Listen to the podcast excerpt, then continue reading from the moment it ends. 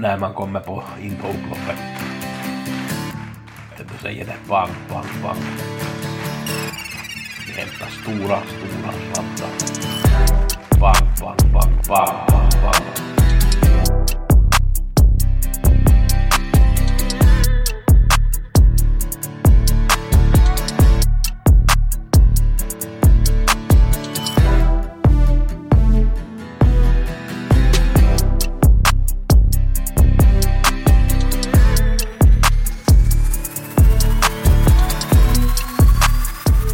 Vi har veckopodden med Gusse.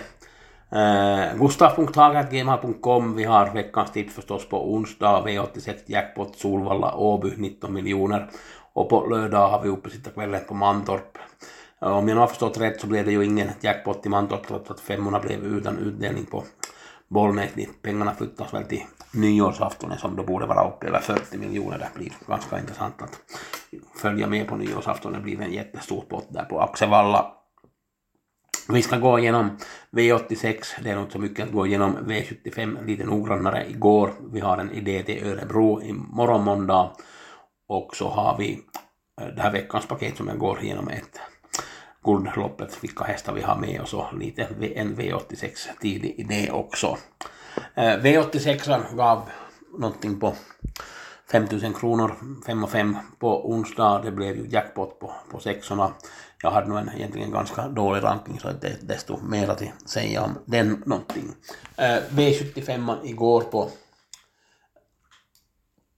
eh, Bollnäs gav 2700, det blev då som sagt jackpot på 500 men de flyttas till Axevalla omgången. Hui hade var väl 8-9 procent när jag hade den som etta där jag gjorde tipsen där på fredagen. Den steg till 13. Den vann ju, det var en bra tipsetta. Javilla steg också, jag hade väl, och det var väl 8-9 procent då på fredagen jag gjorde tipsen. Den steg till lite på 20 där och den hade jag tipsetta och den vann också. Crazy Life i det här loppet var väl fyra i mål tror jag. Och Jorma har valt att gå kanske lite tidigare så skulle jag kanske till och med kunna göra upp om segern då skulle det vara ettan och tvåan i min A-grupp som skulle ha varit etta och tvåa i mål. Jag hade ju A-gruppen 10-13 i det här loppet men valde Jorma att sitta kvar där kanske. Det var lite fel val, det är ju svårt att veta hur han tänkte där. Men Crazy Life ska vi ta betalt på nästa gång. Jack Mearas vann i tredje, jag hade ju spikat kapten Nemo, kapten Nemo var och körde om spetsen där men kunde inte ta spets av Marcus B. Svedberg som med, med femman där försökte svara med, svara med Konrads Palle och sen blev det då tredje invändigt när Jack Mearas fick överta efter en bit där och kapten Nemo kom nog ut men det var nog egentligen ganska tomt. Jag tyckte att det var en ganska dålig insats. Uh, I kallblodsloppet trodde jag ju hårt på Soldhöjden Drage. Procenten steg ju enormt på den. Tyvärr så tappade den i starten. Det blev ju en kanonstart för Stumnefyr som vann det här loppet. Jag tror ju att Soldhöjden Drage skulle kunna utmana om det skulle ha varit eh, närmare starten där. Per Lennartsson körde, jag skulle vilja se gärna Uffe eller någon annan kurs på den här såldhöjden draget då skulle kunna vara med och göra upp om de allra bästa formerna där och den kommer att klara sig på vintern, på sommaren har det kanske inte riktigt snabbheten att klara sig. Målycke, en annan favorit, galopperade i det här loppet, det blev stunden Fyr som blev favorit. Femte loppet hade jag tre B-hästar, det var Room Pace Off, det var High on Pepper och det var Global Adventure. Jorma var ju lite rädd att han skulle få ett tungt lopp och det blev ju en otrolig insats av High on Pepper. Och den var nog faktiskt suveränt bra. Det är nog sällan man ser en häst göra ett sånt lopp och det, den ska nog ha ett kanonchans på Sylvesterloppet sen när det kommer på nyårsafton. Sjätte loppet trodde jag på ett Field Benefit och sju Nine Points Lasse. Nine Points Lasse galopperade, jag hade ju varnat lite för galopp där i starten. Field Benefit tog spets, det fick lite press där, annars skulle den nog kanske ha vunnit. Det var synd för jag hade spelat ganska tufft på 1-2 på dagens dubbel stod väl i 72 gånger skulle jag säga, så det skulle ha blivit en fin slant på mina satsade euro där. Tyvärr så orkade inte bli filmen riktigt till slut. Det var Xantis Hilton som vann trots ett tungt lopp och den steg i procent. Jag hade den åttonde ranken, jag hade den ganska lågt. Jag trodde inte så mycket på den. Tänkte att det galopprisk och att den här distansen kanske inte passade, men det var nog betydligt bättre än jag trodde, så där gjorde jag lite fel. I sista loppet gjorde jag istället rätt, det var väl 13-14 procent på Revenda Chavula. Jag gjorde tipsen, det steg till 26, jag hade 27 som uppskattning och det var en bra ranking etta som jag hade. Den här Revenda Chavua som veckans näst bästa spik. Eh, äh, Gart Weider satt ju fast nu med lite krafter kvar men vi vet ju att det ska ut på finalen så att det är ju då ska vi nog se upp för den på annan dagen på Solvalla.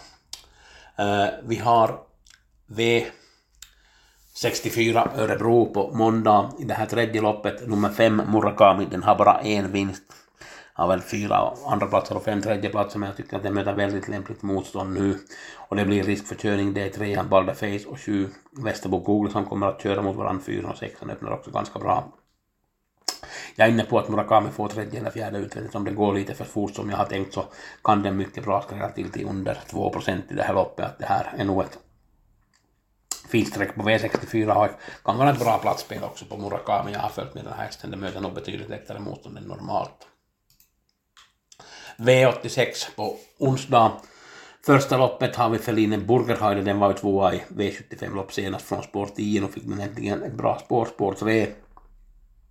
Kim Eriksson som kör åt, åt eh, Hans Krebas. Vi har Tidore Dengato på 8 och Deon V på 9. Det är väl de här två värsta emot. Det är 16.40 där så jag tycker att Feline Burgerheide ska ha bra chans i det här loppet. Hur jag gör rankingen sen så återstår att se. Vi har som sagt jackpot på V86. Och V75 då på uppesittarkvällen på Mantorp på lördag. Eh, där kan jag gå igenom gulddivisionen. Baron Gift har vad den nu får för spår, men den är med där i alla fall. Går ju bra om det blir tung bana, men det kan nog bli svårt att vinna. Bose är också anmäld i silver, men han är också anmäld i guld, så det var svårt att se vilket han kommer att gå ut om han kommer med då i silver eller inte. Det är bara tio hästar i guld anmälda, så det är inte många. Chapuis, får Chapuis ett bra spår så ska det väl vara en ganska bra chans här. Dark Roaster är också snabb ut. That's so cool med Heart of Steve. Kyt F. Buko, Kyt F. Buko har ju varit och tävlat i Frankrike och kommer till Sverige nu.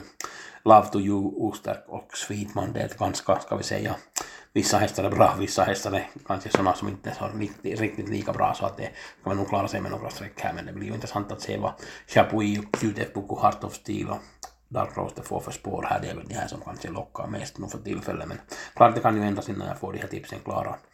Gustaf.hager.gmail.com om ni är intresserade av onsdagen och lördagens tips.